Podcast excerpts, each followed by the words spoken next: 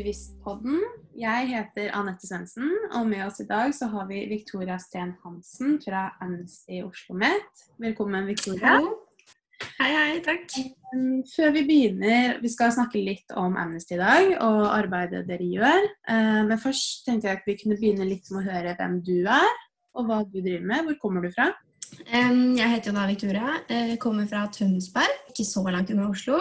Hva skal jeg si? Jeg er jo en ganske engasjert person. da, Tar eh, urettferdighet ganske personlig. Jeg ble jo på en måte, hva skal man si, eh, interessert i menneskerettigheter og sånn da jeg var kanskje sånn 15-16, tror jeg. Em, fordi da var jeg jo i konfirmasjonsalder, eh, og så gikk jeg på sånn humanetisk konfirmasjon, da. Og da tok vi jo opp masse sånn etikk og menneskerettigheter og sånne ting. Og da var det på en måte som om en sånn flamme inni meg ble tent. Eh, så det var egentlig der det starta, tror jeg. Eh, og så ble jeg engasjert i Amnesty og sånn litt senere, men, men det var på en måte der aktivistspiren eh, ja, kom frem, da, kanskje. Eh, men ja, jeg er fra Tønsberg, er 20 år. Jeg vet ikke helt hva du vil vite, holdt jeg på å si. Nei, nei, det høres jo bra det, men konfirmasjon Ja. er på en måte inngangsdøren din, da. Eller hva man skal si, til Ja. egentlig. Mm. Men, eh, og så etter det så ble du engasjert i Amnesty. Ja, først så var jeg litt med i press. Eh, jeg vet ikke om du har hørt om det, men eh, nei. Det er jo Redd Barna sin ungdomsorganisasjon, så de jobber jo masse med Barnekonvensjonen, da. Og liksom barnerettigheter. Eh, så jeg var med der i ja, kanskje et år, eller noe sånt. Eh, og så eh, fant jeg ut at eh, jeg ville jobbe litt mer med alle menneskerettigheter. Og så var det ikke noe Amnesty-gruppe der hvor jeg bodde, i Tønsberg.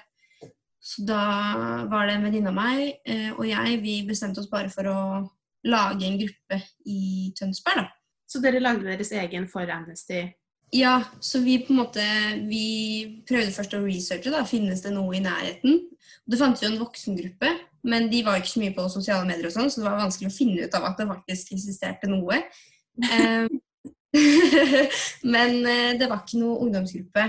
Så da tok vi kontakt med regionkontoret til Amnesty og sendte mail og var sånn Hei, vi lurer på om det finnes en gruppe i Tønsberg, eller så vil vi starte det. Og så begynte egentlig bare ballen å rulle, at vi kom inn på regionkontoret i Oslo, og snakket med eh, hun som da var eh, regionleder i Region Øst. Eh, og så begynte vi bare å planlegge hvordan vi kunne starte en gruppe og oppstartsmøte og alt det her. Og så har jo den gruppa nå Nå er jo den over tre år gammel, da, den gruppa.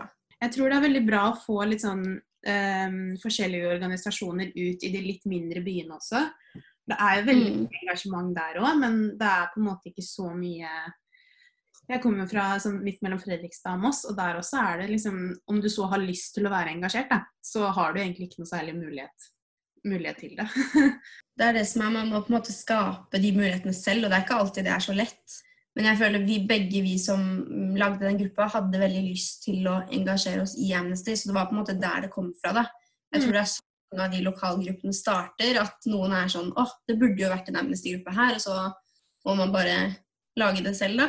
Men hva er det med Amnesty som du synes er så, så i forhold til Det er veldig mange organisasjoner å velge mellom. Hvorfor Amnesty? Det er jo et veldig godt spørsmål. Jeg tror i starten så var det bare at Amnesty sitt arbeid appellerte veldig til meg, da. Alle menneskerettighetene, er mye kvinners rettigheter, abort, eh, mot dødsstraff eh, og ja, generelt veldig mye som appellerer til meg, da, og at man Jeg følte i hvert fall at det her er viktig for at verden kan bli et bedre sted, og at man kan eh, gjøre verden litt bedre, da. Så jeg tror bare det var det at det, det traff meg veldig, det arbeidet de gjør.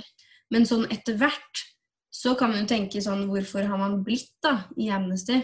Eh, hvordan orker man på en måte å fortsette? Og det tror jeg er at eh, det også er veldig sånn sosialt. Det er et godt fellesskap. Man blir tatt godt vare på, da. Så det, er, det blir litt som en familie, på en måte. Vi har jo et uttrykk som heter 'famnesty', som mange av aktivistene og sånn bruker.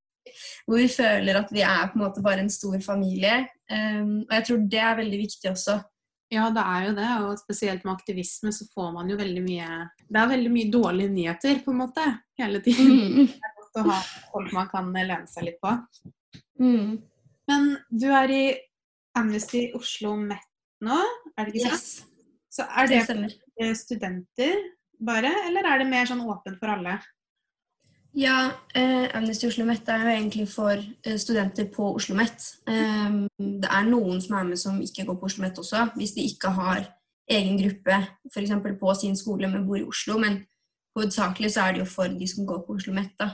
Og jeg er jo egentlig med der fordi at jeg ville fortsette å være med i Amnesty eh, etter at jeg flytta fra Tønsberg. Og så var jeg så heldig at eh, jeg klarte Eller at jeg fikk vite når det var valg da, av nye verv og sånt. For det var jo sommerferien.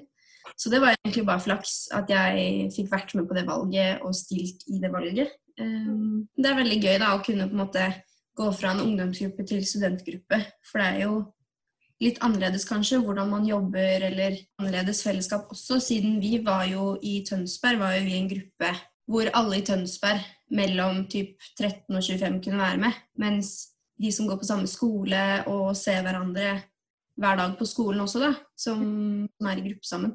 Mm. Så det er litt vanskelig, men det er eh, veldig gøy å kunne være med i en sånn gruppe òg. Det er kanskje litt større nettverk for dere også her i, her i mm. Som gjør det litt, mer, ja. litt lettere, kanskje. Det er det. Mange grupper man kan på en måte eh, hva kan man si, alliere seg med, samarbeide med. Det er en veldig god ting med Amnesty, at det er veldig internasjonalt nettverk. Det gjør det sikkert veldig spennende å jobbe med saker fra hele verden. Da. At det er mm. du kan jobbe med. Men uh, ja, Oslo Met Amnesty, har dere noen spesielle saker som dere er spesielt engasjert i om dagen? Ja, akkurat nå så er det mest eh, menneskerettighetslov for næringslivet vi har jobba med en stund.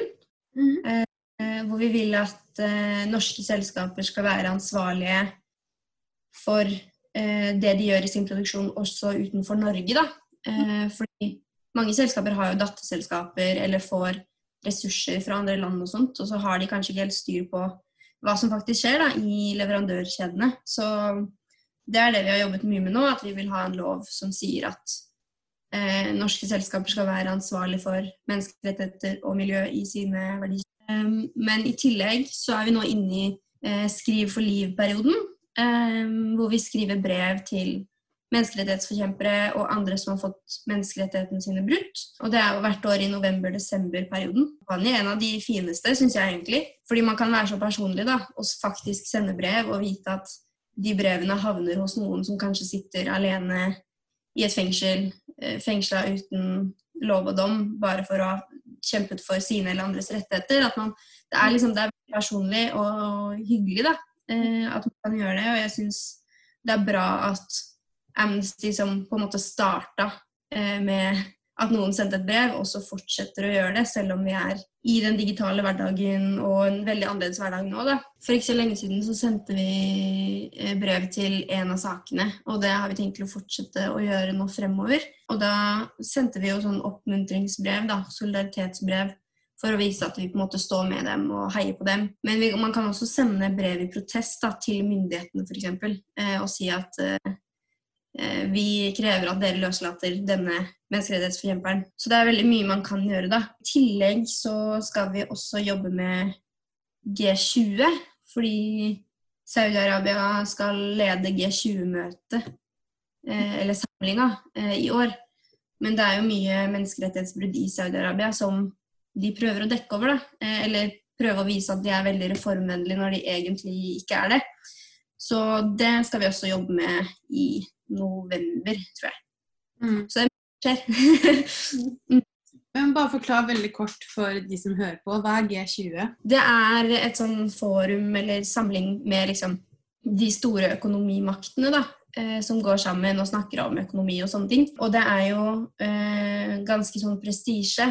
Og da tenker vi at vi må utnytte det at det ligger i Saudi-Arabia nå. Fordi Saudi-Arabia prøver å fronte seg som veldig moderne og gode på menneskerettigheter. For eksempel da, så har jo kvinner fått lov til å kjøre bil nå, som er kjempebra. Eh, men samtidig så er de som har kjempet for kvinners rett til å kjøre bil, de er i fengsel. Eh, og det sier jo ikke Saudi-Arabia noe om, fordi det vil de jo ikke at skal komme ut. Litt sånn der baksiden av medaljen eh, vi har lyst til å vise, da. Og det er vel et sånn vergesystem for kvinner også, er det ikke det? Jo, det er det. Som kjemper mot det. Det er jo mange som har blitt fengsla fordi de kjemper mot det også. Det er, ja, det er mye grums, da. Um, og det har vi lyst til å på en måte skape et momentum når dette G20-møtet skal være. Uh, og prøve å få løslatt uh, kvinneaktivister og sånt. da. Hvordan jobber dere da? Uh, jeg veit at Amnesty samler i hvert fall nå penger til å ha sånne annonser i sånn Financial Times og sånt. Skal på en måte fortelle sannheten, da. og kommer jo til å hva kan man si, hit Saudi Arabia hard. altså det er ikke noe kult for uh, kronprins Mohammed bin Salman som vil fremstå som så bra, da. Uh, så vi skal jo prøve å uh, skape et momentum på den måten. Og så kommer vi nok til å samle underskrifter og sånne ting også. Men det er ikke helt avklart da ennå. Eller vi, norske, vi norske aktivister har liksom ikke fått vite alt enda da, om hva vi skal i G20-kampanjen. Mm. Men det blir nok eh, mye press på Saudi-Arabia fra Norge og andre land. Du er jo ganske ung, eller du var veldig ung når du starta ungdomsgruppa i Amnesty. Mm, hvorfor tenker du det er viktig at unge engasjerer seg såpass tidlig? Jeg tenker eh, at det er viktig at alle kan gjøre noe. da. At Hvis man kjenner på at ok, verden er urettferdig, at man ikke bare må tenke at men det er ingenting jeg kan gjøre. fordi det er jo alltid noe man kan gjøre. Så jeg tenker kanskje det er det viktigste. da, eh, At eh, alle kan faktisk engasjere seg, og man kan bruke sine sterke sider. Er man god til å skrive, kanskje man kan skrive et leserinnlegg.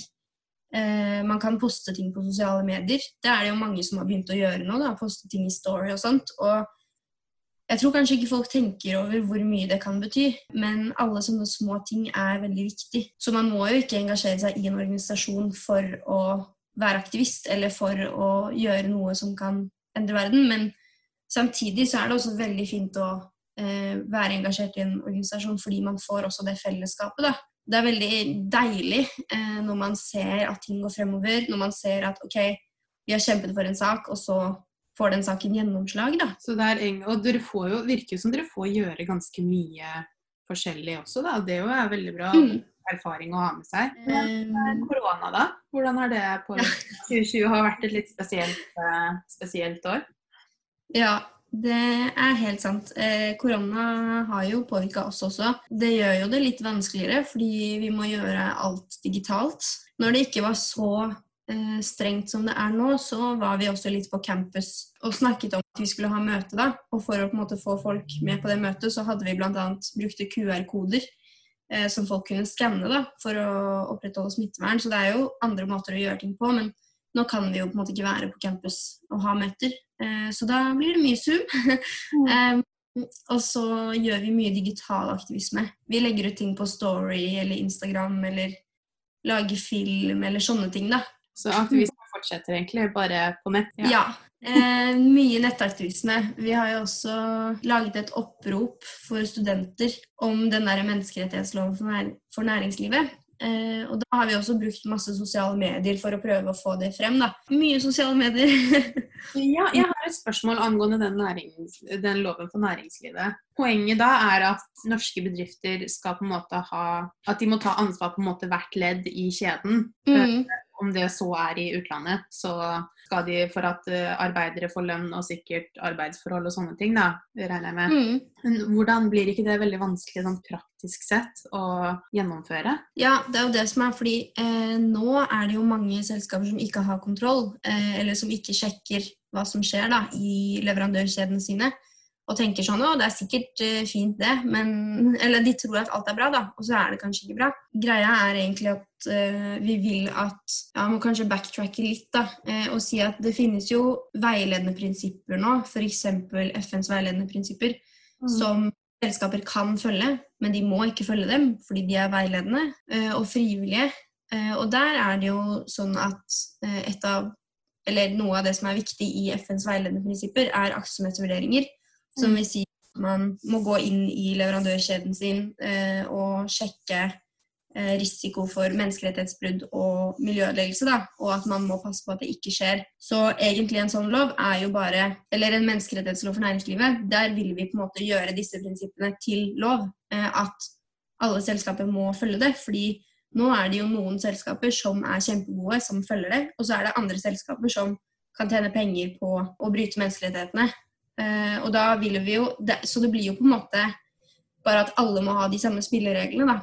Uh, og alle må faktisk legge inn en innsats for å se hva som skjer i deres produksjon. Um, så det kan høres veldig vanskelig ut, men egentlig så burde det være mulig da, at norske selskaper faktisk passer på at produksjonen er etisk og ikke bryter menneskerettighetene. Ok, Så det er mer vilje det står på? Ja, og det er jo en, eh, et lovforslag eh, på høring nå eh, som vi tror kan bli vedtatt våren 2021. Mm. Som handler om dette, og det har blitt fremmet av Etikkinformasjonsutvalget. Det er jo på en måte en lov er jo rett rundt hjørnet, egentlig. Men det spørs jo da om den blir vedtatt. Vi håper jo det. Men det er mulig. det er mulig. Men um, hva med sånn fremtidsmessig, da? Har du tenkt på noe er det her litt sånn ved siden av studiene, eller er det det her du vil gjøre en karriere av? Ja, um, det er et godt spørsmål, fordi um, jeg har jo tenkt ganske mye på det. Og jeg kjenner jo på meg at det her er noe jeg vil jobbe med videre. Jeg er ikke klar for å legge det på hylla etter jeg er ferdig å studere, på en måte. Men nå går jeg også medier og jeg tror kanskje jeg vil forene de to, da. Uh, jobbe med f.eks sosiale medier og aktivisme. da. At jeg ja, kanskje kan jobbe i Amnesty om det blir en mulighet, eller jobbe i en annen organisasjon hvor jeg fortsatt kan jobbe med ting eh, jeg syns er viktig. Det høres veldig bra ut. Det er veldig god Det er bra at du får en praktisk ferdighet da, som du kan mm. Bruke gjennom studiene dine. Det tror jeg er veldig, veldig smart. Det var vel egentlig det som var taktikken min også. ja. Ok, men avslutningsvis, du, er det på en måte én hjertesak som enten fikk deg til å begynne med det her, eller som du er spesielt opptatt av? Jeg tror kanskje jeg vil si to, da. Eh, hvis det er greit? Ja, ja, kjør på.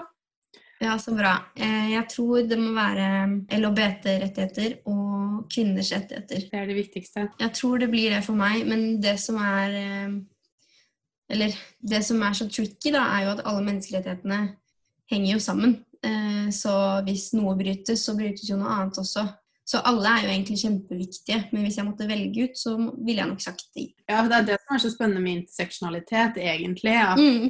Hvor sammenkobla det egentlig er, da, alt sammen. Og man ser jo det i samfunn som er det mye menneskerettigheter som blir brutt. Og det er jo ofte de samme gruppene òg som er mm. satt da, gang på gang på gang. Nei, men Det er kjempespennende. Tusen takk for at du ville stille opp. Håper jeg at det får folk til å skjønne mer hva organisasjonsarbeid er, og hvor mye man faktisk kan bidra. Da. Selv, om man ikke, selv om man er ung og føler, selv om man kanskje ikke har så mye å komme med, så har man jo alltid det. Mm. Da, tusen takk skal du ha.